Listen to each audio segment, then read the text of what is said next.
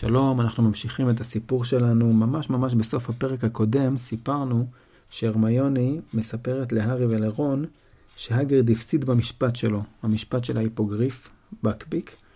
היה משפט בגלל ש... שההיפוגריף פצע את מאלפוי, זה בגלל שמאלפוי התגרה בו. אבל uh, מאלפוי uh, עשה את עצמו כאילו שהוא פצוע הרבה זמן, ובעצם האשימו את ההיפוגריף הזה, את בקביק, שהוא מסוכן. אז בסוף הפרק הקודם סיפרנו שהגריד הפסיד במשפט ובקפיק צריך לקבל עונש ויהרגו אותו. אנחנו ממשיכים את הפרק שלנו. הרמיוני הושיטה את המכתב שהיא קיבלה להארי, והארי ראה שהקלף היה לח מרוב הדמעות שהגריד, כשהוא בכה כשהוא קיבל את המכתב. וככה היה כתוב במכתב: הרמיוני היקרה, אנחנו הפסדנו. אני מותר לי להחזיר אותו איתי להוגוורטס. התאריך של ההוצאה להורג הוא ייקבע בקרוב. ביקי הוא נהנה מהביקור בלונדון. אני לא אשכח פה את כל העזרה שאת נתת לנו. הגריד. היא הרמיוני עזרה להגריד לתת כל מיני טענות והסברים במשפט הזה. בסופו של דבר זה לא עזר, אבל בכל זאת היא עזרה. הארי אמר, הם לא יכולים לעשות את זה, הם לא יכולים, בקביק בכלל לא מסוכן. הרמיוני אמרה, ככה עם דמעות, אבא של מאלפוי איים על הוועדה, אתם יודעים איך הוא. בוועדה הם נבהלו ממנו, ולכן הם החליטו כמו שהוא רצה.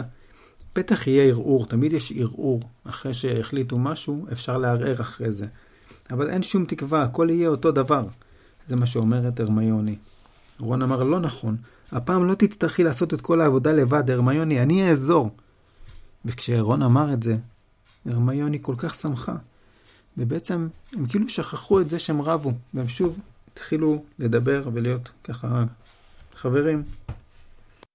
ואז הרמיוני אמרה, רון, אני ממש ממש מצטערת על מה שקרה לסקאברס. הרי החתול הגדול שלה פגע בו, כנראה, כי הוא נעלם. אז היא ככה בכתה ואמרה, אני מצטערת על מה שקרה. רון אמר, נו טוב, הוא היה זקן. וגם די חסר תועלת. אי אפשר לדעת, אולי עכשיו אבא ואמא יקנו לי ינשוף. בינתיים, בבית הספר, מאז שסיריוס הצליח להיכנס בפעם השנייה, ממש של החדר של הבנים, יש ממש השגחה ואמצעי בטיחות ממש ממש חזקים. לכן הארי, רון והרמיוני לא היו יכולים לבקר את הגריד בערב. הם היו יכולים לשוחח איתו רק בשיעורים שנדעו איתו בטיפול ביצורי פלא. היה ברור שהגריד ממש בהלם. הוא אמר, הכל זה באשמתי, אני הסתבכתי בדיבורים, הם כולם ישבו שם בגלימות השחורות שלהם, בוועדה, ואני כל הזמן הפלתי שם את הדפים שלי, ואני שכחתי את כל התאריכים ההם שהרמיוני את רשמת בשבילי. ואז לוציוס מלפוי הוא עמד שם, והוא אמר את שלו, והוועדה הזאת עשתה בדיוק מה שהוא אמר להם לעשות. רון אמר, אל תשכח שעוד יש ערעור, אל תוותר, אנחנו עובדים על זה. כך הם היו בדרך חזרה לטירה עם שאר התלמידים, הם ראו מקדימה את מלפוי הולך עם קרב וגויל, מדי פעם מסתכל אחורה וצוחק. הגריד אמר, זה לא יעזור כלום הערעור. הוועדה הזאת שמה היא כולם בכיס הקטן של לוציוס מאלפוי. מה שנשאר לי לעשות זה רק לדאוג שביקי, כל עוד הוא חי, שיהיה לו כיף, שיהיה מאושר, אני אדאג לו שיהיה לו כיף. זה מה שאני צריך לעשות. ואגריד הסתובב ומיהר בחזרה אל הבקתה שלו, ממש עם הפנים בתוך המטפחת, הוא ממש רצה לבכות. הוא היה מאוד עצוב מזה.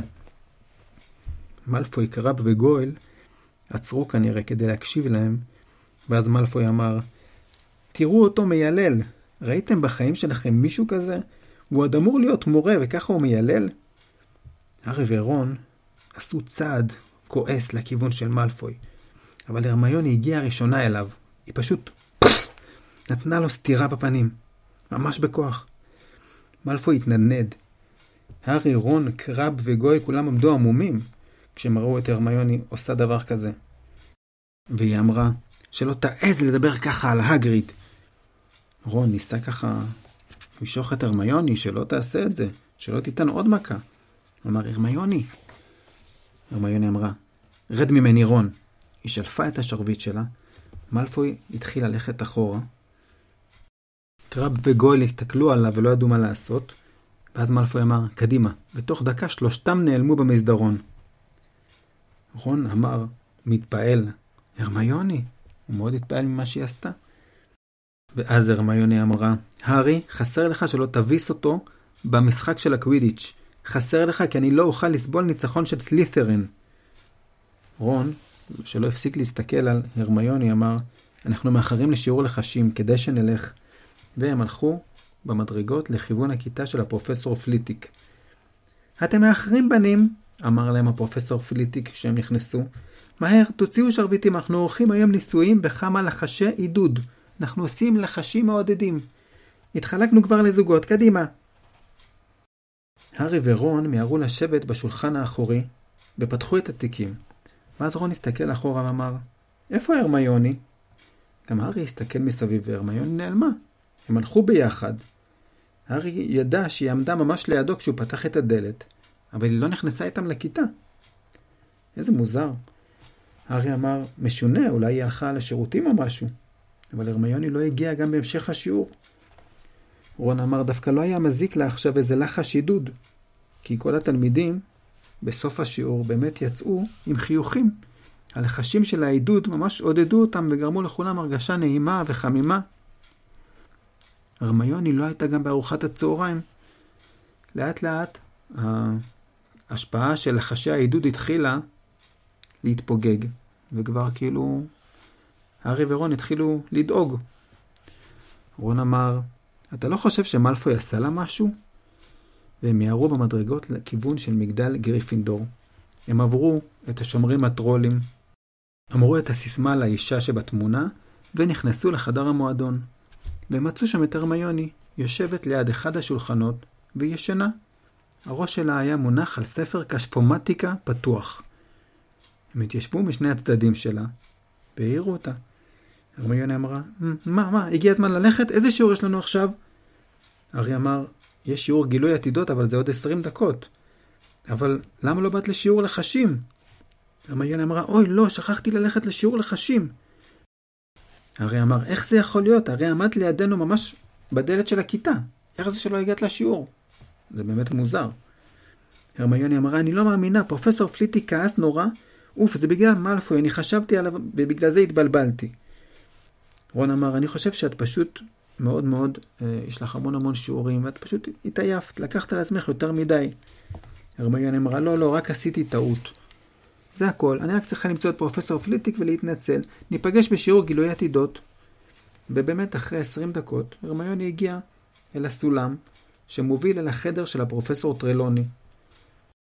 הם טיפסו ביחד בסולם והגיעו אל החדר האפלולי והמחניק של הפרופסור טרלוני.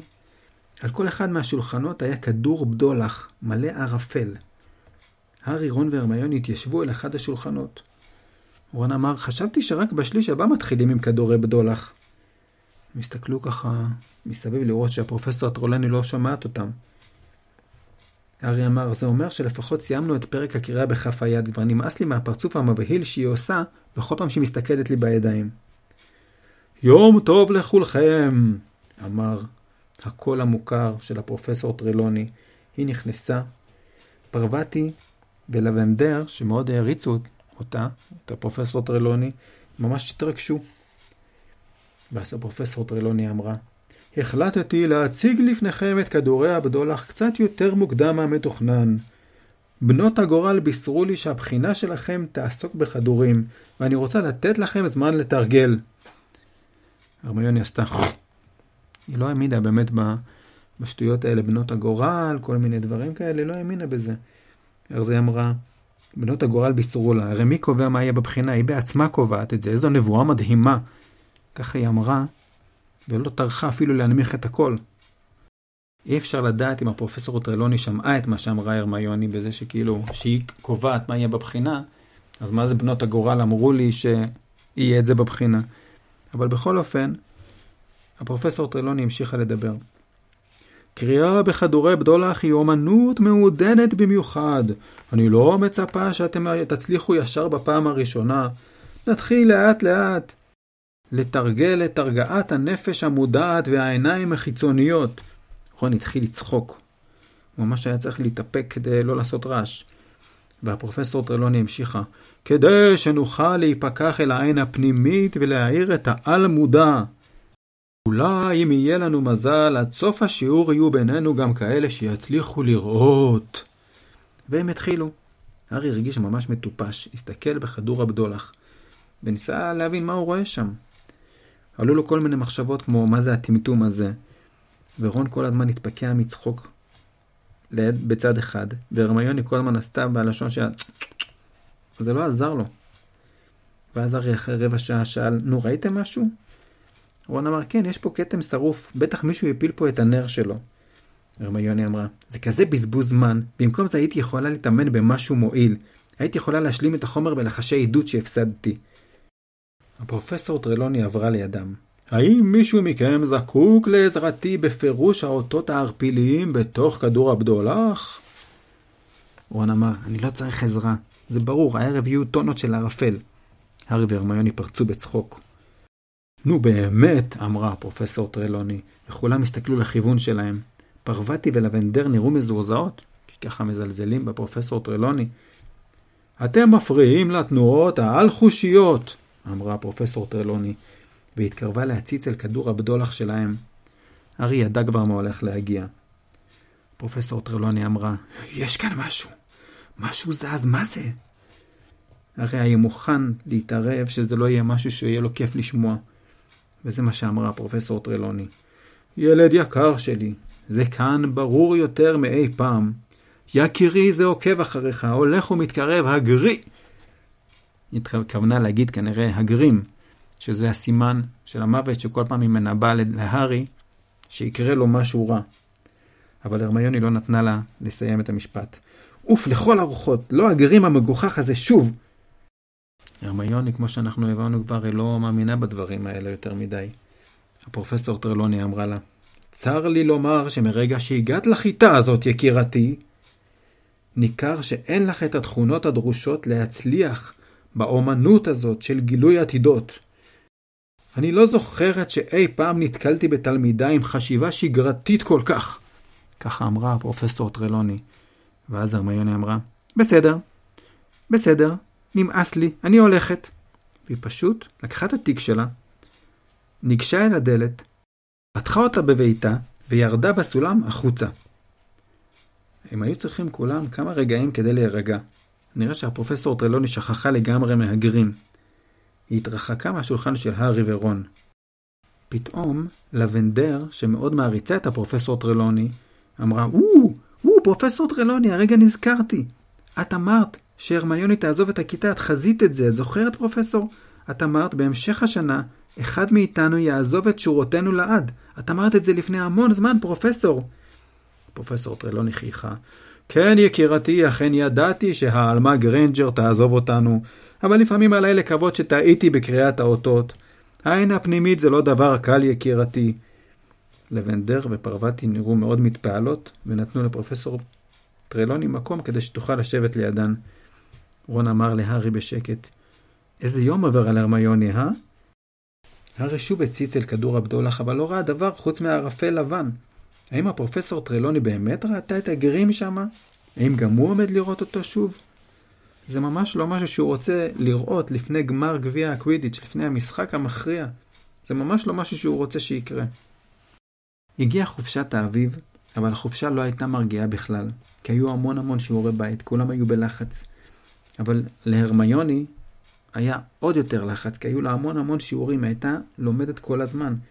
היא הייתה האחרונה שעזבה את חדר המועדון כל לילה, והראשונה שהגיעה לספרייה למחרת בבוקר. היא הייתה נראית ממש מאוד עייפה כל הזמן.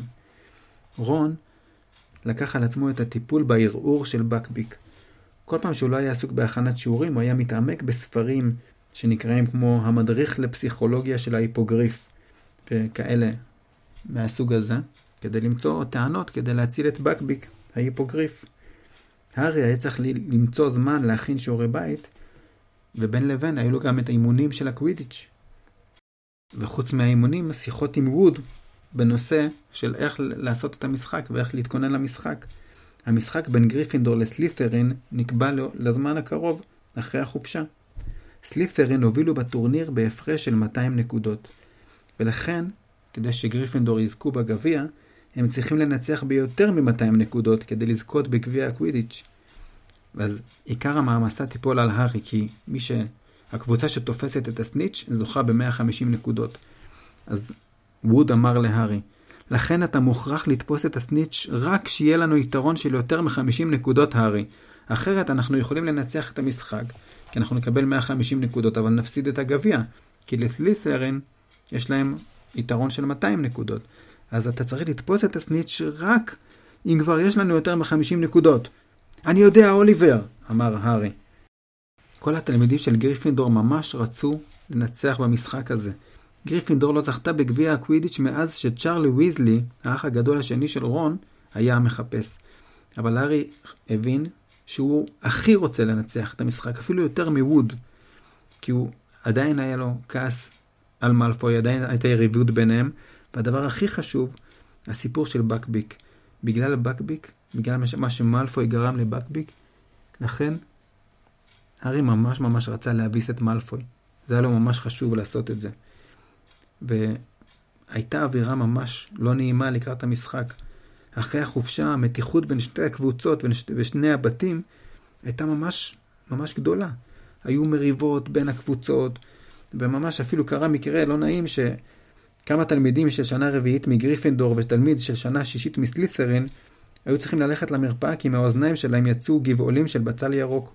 בעצם כי היו כל מיני קטטות ומריבות בין גריפינדור לסלית'רין. להארי היו אלה ימים קשים במיוחד. הוא אפילו לא היה יכול ללכת לשיעור מבלי שתלמידי סלית'רין ינסו לשים לו רגליים כדי שהוא ייפול. אז הארי הלך לכל מקום מוקף בהמון תלמידים שהגנו עליו, ככה הוא בקושי היה מצליח ללכת. הגיע הערב שלפני המשחק, כולם היו עסוקים ומתוחים לקראת המשחק. אפילו הרמיוני הניחה את הספרים בצד, לא הייתה יכולה להתרכז ו- וללמוד. והיה ככה המון רעש עד שכולם, הגיע הזמן ללכת לישון. וכולם הלכו לישון. הארי ישן רע באותו לילה. כי הוא חלם, קודם כל הוא חלם שהוא שכח להתעורר, ושהוא צועק עליו ואמר לו, איפה היית? הייתי צריך להכניס את נביל במקומך. אחר כך הוא חלם שמאלפוי ושאר הקבוצה של סלית'רין הגיעו למשחק, במקום עם מטאטים, עם דרקונים. ו... ואז הוא נזכר ש... הוא התעורר והוא נזכר שאין אפשרות לשחק עם דרקונים, לא יכול להיות. וככה הוא ישן ממש לא טוב, אחרי חלומות לא נעימים, ואז הוא קם, כי הוא היה צמא, ורצה ללכת לשתות מים. הארי עמד עם כוס המים, והסתכל מהחלון. הכל נראה שקט, היו מדשאות של הוגוורטס, נראו שקטות ושלוות, לא היה רוח, הכל היה נראה נעים. הארי רצה לחזור לישון, אבל פתאום הוא ראה משהו. הוא ראה בעל חיים כלשהו שמשוטט בחוץ על הדשא. ארי רץ מיד לכוננית ליד המיטה שלו, לקח את המשקפיים והרכיב אותם, ואז שוב חזר אל החלון כדי לראות, לראות מה יש שם. הוא קיווה שזה לא הגרים. הוא הסתכל שוב על המדשאות, ואז הוא ראה באמת את מה שהוא ראה קודם. הוא ראה בעל חיים. הבעל חיים הזה לא היה הגרים, זה היה חתול זה היה קרוקשנקס, החתול הגדול של הרמיוני. והארי המשיך להסתכל, ופתאום הוא ראה שליד קרוקשנקס הגיע מהיער כלב ענקי, שחור ופרוע. אז הארי לא הבין. אם הכלב הזה הוא גרים, איך קרוקשנקס רואה אותו? כי הם היו ביחד, את הגרים רק מי שאמור למות רואה. אז איך זה יכול להיות? הארי העיר את רון, הוא רצה שהוא גם יסתכל, ועד שרון קם והסתכל הוא לא ראה שום דבר. באמת, בחלון כבר באותו זמן אף אחד לא היה. קרוקשנקס והכלב נעלמו. הארי שוב הסתכל טוב טוב וראה שבאמת הם נעלמו. רון כבר נרדם בחזרה. למחרת בבוקר, הארי ושאר השחקנים של גריפינדור נכנסו לאולם הגדול ומחאו להם כפיים. הארי מאוד מאוד שמח לראות שלא רק השולחן של גריפינדור מוחא כפיים, אלא גם השולחן של רייבנקלו והפלפאף, כולם רוצים שגריפינדור ינצחו. רק מהשולחן של סלית'רין עלו קריאות בוז. אחרי ארוחת הבוקר, בדרך אל המגרש, צ'ו צ'אנג אמרה להארי, בהצלחה הארי. והארי הרגיש שזה היה לו מאוד נחמד שהיא אמרה את זה. והם הגיעו למגרש, וכשהם יצאו למגרש לבושים עם הבגדים של המשחק, הייתה המולה, שלושה רבעים מיושבי הקהל, גם גריפינדור, גם הפלפאף וגם רבנקלו, כולם היו עם סרטים אדומים, נופפו בדגלים אדומים, עם הסמל של האריה של גריפינדור, הניפו שלטים עם סיסמאות כמו קדימה גריפינדור והגביע לאריות. ומאחורי השערים של סלית'רין היו 200 אנשים בירוק, עם דגלים שעליהם הנחש הכסוף של סלית'רין. ובשורה הראשונה ישב הפרופסור סנייפ, לבוש בירוק כמו כל השאר. ולי ג'ורדן, הפרשן, התחיל לדבר. והנה הגריפנדורים מגיעים! פוטר, בל, ג'ונסון, ספינט, ויזלי, ויזלי וווד. הדעה הרווחת היא שזוהי הקבוצה הטובה ביותר שהייתה בהוגוורטס בשנים האחרונות. וככה לי ג'ורדן המשיך לפרשן, ובאמת אה, הקבוצה של סלית'ריאן ארי ראה שכולם שם ממש גדולים, חוץ ממלפוי שהיה השחקן הכי קטן בקבוצה, כל השאר היו ממש גדולים. הקפטנים של שתי הקבוצות לחצו ידיים, מדאם הוץ' שרקה, והמשחק התחיל. כולם עפו עם המטטים שלהם למעלה, הארי התחיל לחפש את הסניץ', והכדור עובר מצד לצד, ופתאום פלינט מסלית'רין התנגש באנג'לינה מגריפינדור. בתמורה, פרד ויזלי שחרר את המחבט שלו על העורף של פלינט, וככה בעצם הם התחילו ממש אה, לשחק בצורה לא נעימה, לפגוע אחד בשני. מדאם הוץ' אמרה, מספיק עם זה! היא נתנה זריקת עונשין לגריפינדור בגלל שפגעו באנג'לינה, וזריקת עונשין לסלית'רין בגלל שפגעו בפלינט. והמשחק התקדם, בינתיים היה 20-0 לגריפינדור, הארי התאמץ לשמוע את דברי הפרשנות של לי ג'ורדן, כי הוא יודע שהוא צריך לחכות שיהיה לפחות 50, יותר מ-50, כדי שהוא יוכל רק אז לתפוס את הסניץ'. ושוב שחקן של סלית'רין פגע בשחקנית של גריפינדור, ומדאם הוץ' שרקה ונתנה זריקת עונשין לגריפינדור, וקייטי מגריפינדור קלעה, קלעה את הכדור. ולי ג'ורדן אמר, 30-0, מגיע לכם חבורת רמאים מלוכלכים. לי ג'ורדן אמור להיות פרשן אה, שלא מתערב לאחד הצדדים, אבל פה הוא מראה בבירור שהוא ממש מעדיף את גריפינדור. אז פרופסור מקגונגל אמרה לו, ג'ורדן, אם אינך יכול לדווח בצורה הוגנת, אז אל תהיה פרשן.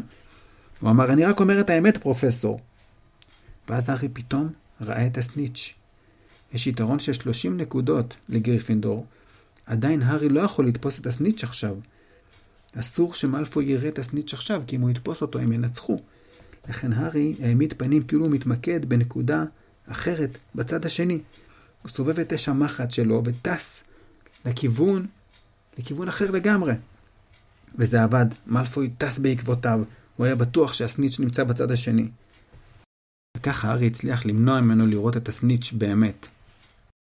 אחר כך סלית'רין הצליחו לקלוע, וכבר התוצאה הייתה 30-10, וארי שם לב שהמשחק נהיה ממש מלוכלך. הגריפינדורים פגעו בסלית'רנים, ו- ולהפך, ובאמת היו ככה כל הזמן מכות מצד לצד, זה לא היה משחק אה, הוגן ונקי.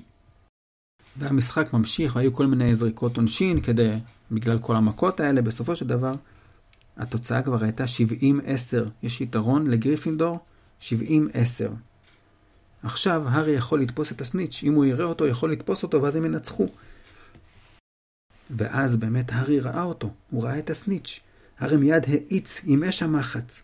הוא התחיל לטוס במהירות, אבל פתאום הוא מרגיש שאש המחץ מאט ולא מתקדם. הוא מסתכל למטה והוא רואה שמלפוי תפס את הזנב של אש המחץ ומשך אותו אחורה. הארי כעס כל כך, הוא לא היה יכול להתקדם עם אש המחץ. ובאמת, מלפוי הצליח, כי הסניץ' באמת נעלם. מדאם ההוץ' אמרה, זריקת עונשין, זריקת עונשין לגריפינדור, בחיים לא ראיתי משחק כזה. ככה אמרה מדאם הוץ' וטסה לעבר מלפוי, שחזר להתיישב בנחת על הנימבוס 2001 שלו. לי ג'ורדן, הפרשן, אמר, איזו רמאות, איזו טינופת. והפרופסור מגונגל אפילו לא העירה לו, כי גם היא, גם היא כעסה מאוד על מה שמלפוי עשה, זה ממש לא הוגן מה שהוא עשה, להחזיק ככה את המטאטא ולא לתת להארי לטוס. היא ממש נופפה באגרוף שלה לכיוון של מאלפוי, הכובע נפל מהראש שלה, היא ממש צעקה. אליסיה מגריפינדור ביצעה את זריקת העונשין, אבל מרוב כעס היא החטיאה בכמה מטרים. אחר כך סלית'רין קלעו, ואחר כך שוב גריפינדור קלעו, והתוצאה עכשיו היא 80-20 לטובת גריפינדור. הארי פתאום ראה משהו שממש גרם לו להפסיק את הרגע לנשום. הוא ראה את מאלפוי צולל עם הבעה של ניצחון, וממש מאלפוי צלל לכיוון של הסניץ'. הארי האיץ את אש המחץ כדי להשיג אותו, אבל מאלפוי היה הרבה לפניו בכיוון של, של הסניץ', ממש הוא הולך לתפוס את הסניץ' עכשיו, מאלפוי אם הוא יתפוס את הסניץ', סלית'רין ינצחו. קדימה, קדימה, קדימה, הארי אמר למטאטה שלו. הוא התחיל להשיג את מאלפוי. הוא ממש שכב על המטאטה והתחמק ממרביצן, וממש הגיע כבר לרגליים של מאלפוי, ואז הגיע לי, ליד מאלפוי, וממש קרוב למאלפוי, הוא פשוט עזב את המטאטה, הארי עזב את המטאטה, וקפץ לתפוס את הסניץ'. יש! הוא תפס את הסניץ'. פשוט עזב את שתי הידיים מהמטאטה, העיף את היד של מאלפוי ותפס את הסניץ'. גריפינדור ניצחו. ווד טס לכיוון שלו עם עיניים מלאות דמעות. הוא ממש בכה על הצוואר של הארי. הארי ראה גם את פרד וג'ורג' מגיעים וכל הקבוצה הגיעה. הגביע הוא שלנו, הגביע הוא שלנו. כולם ככה חיבקו את כולם. והאוהדים ככה באדום יצאו מהגדרות והתקרבו אליהם. הארי הרגיש ממש ככה רעש וכולם מסביבו. ואז הוא גם ראה את הגריד, כולו מכוסה בסרטים אדומים. אתם הבסתם אותם פה, הארי, אתם הבסתם אותם, כשבק ביקור ישמע על זה. אפילו פרסי שכח שהוא צריך להיראות כמו מדריך ראשי וקפץ, ממש כמו מטורף. הפרופסור מגונגל התייפחה, ונגבה את העיניים שלה בדגל של גריפינדור. רון והרמיוני התקרבו אל הארי, הם לא ידעו מה להגיד, הם פשוט ממש ממש שמחו. כולם ככה היו מאוד מאוד שמחים, הם הסתכלו לכיוון של היציאים, שם חיכה דמבלדור עם גביע הקווידיץ' ענקי. ווד, מתייפח, העביר להארי את הגביע, והארי הניף אותו באוויר, ובאותו זמן הארי הרגיש שאם היה מגיע סוהרסן, הוא היה כל כך שמח, הארי, שהוא יכול היה לייצר פטרונוס ממש חזק, הכי חזק בעולם. כי הרי כשמייצרים פטרונוס צריך לחשוב על משהו שמח, על תחושה שמחה. והארי באותו זמן הרגיש כל כך שמח שאם היה בא סוהרסן הוא היה יכול להביא פטרונוס עכשיו שממש יביס אותו. זהו, זה הסוף של הפרק. גריפינדור ניצחו במשחק וזכו בגביע. נמשיך לספר את ההרפתקאות של הארי, מה יקרה עם סיריוס ומה יקרה עם שאר הדברים. את הכל נמשיך לספר בפרקים הבאים.